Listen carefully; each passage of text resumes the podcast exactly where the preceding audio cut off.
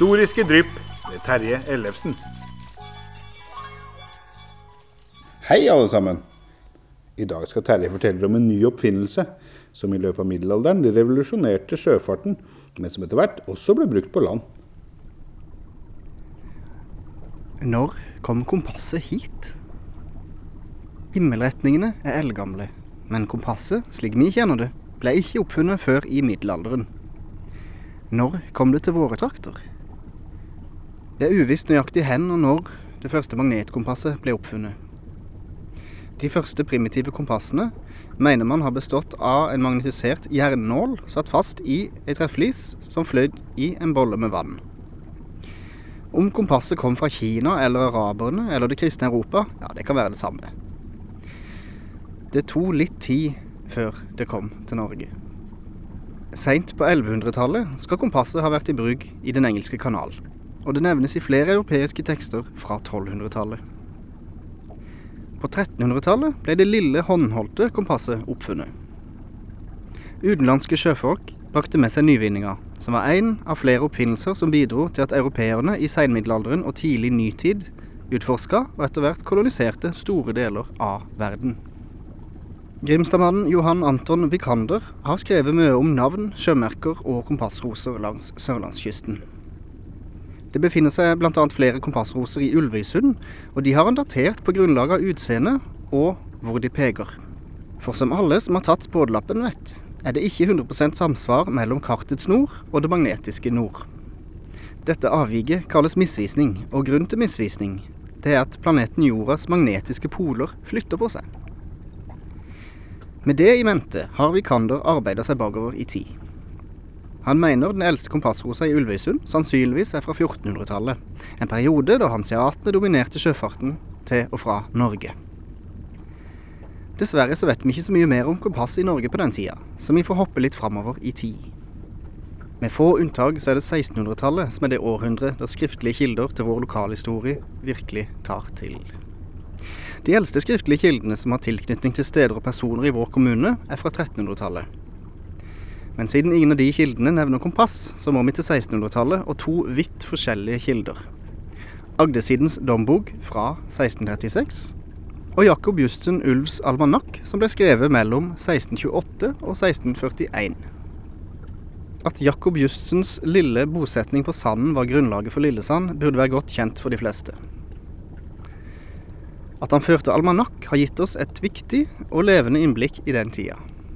13. april 1632, omtrent ett år før han flytta til Sanden, noterer Jakob følgende i sin almanakk.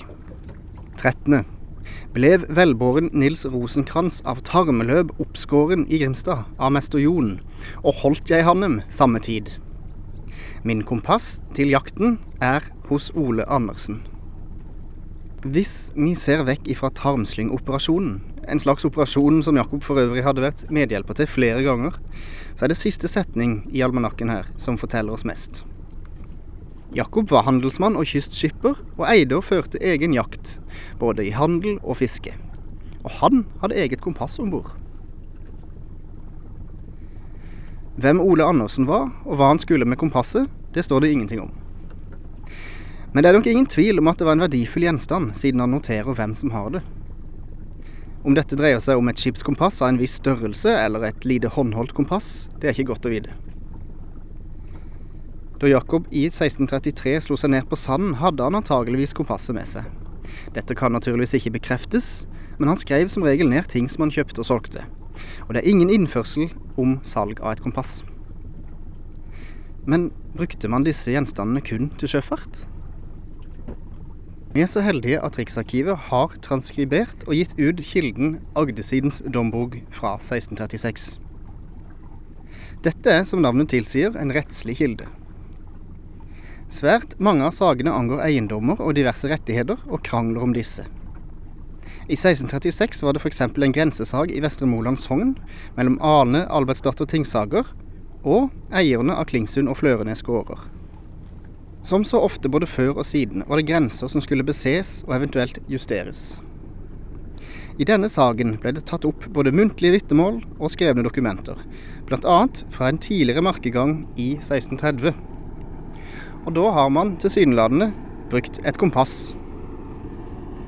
Vi efterskrevne Nils Lauritzen, tingskriver i Strengrei skipsrede i Nedneslen, Sven Frivold, Oluf Grøm, Morten Frivold, Nils Ommundsen på Bringsvær, Nils Andersen på Bringsvær og Svenung Fjære, svorne lagrettesmenn i Nedneslen, gjører alle vitterlig at anno 1630, den 8. aprilis, var vi med flere dannemenn tilnevnt på en markegang imellom Flørenes, Klingsund og Langedal på den ene side, og Tingsager på den annen side. Dokumentet er for langt og innvikla til å gjengi alt her. Så la oss heller finne avsnittet som nevner bruk av kompass i grenseoppgangen. Da gikk vi derfra efter kompassen, i syd-sydvest, til en ledstø som sto i en liten ås sønnen for Kjønnen. Også like til kåsen til endestaven imellom Langedal, Klingsund og Flørnes, som sto i en liten ås sønnen for Myren. Som vi ser, var ikke kompasset forbeholdt de sjøfarende. De har naturligvis brukt et lite håndholdt kompass i 1630. Dette er så vidt vi er bekjent første skriftlige kilde på bruk av kompass i vårt distrikt, men det er ingen tvil om at det kan ha vært i bruk tidligere, især blant sjøfolk. Teksten er for øvrig òg språklig interessant, da den angir Langdalskjønna som kjønnen allerede på den tida. Av en eller annen grunn så står det Langedalsvann istedenfor Langedalskjønna på mange kart, også i vår tid. Dette bør rettes opp. Siden kompasset var kjent blant sjøfolk i Nord-Europa allerede i middelalderen, og siden flere av de norske uthavnene har innrissa kompassroser som stammer fra seinmiddelalderen, kan man spørre seg når de lokale fikk tilgang på den nye teknologien. Det er aldeles ikke sikkert at Jakob Jussen Ulv eller de medvirkende i grensebefaringa i 1630 brukte et redskap som var nymodens og fremmed. Ingen av kildene omtaler kompassene som noe rart. Tvert imot omtales de på en selvfølgelig måte. Allikevel er ordet skrevet med andre bokstaver i domboka fra 1636, slik at ordet står ut fra teksten. I trykte bøker brukte man på denne tida gotiske bokstaver til den danske teksten og latinske bokstaver til fremmedord. Dette er nok et eksempel på det samme. Det blir spennende å se om det dukker opp flere kilder som kan belyse dette emnet i framtida.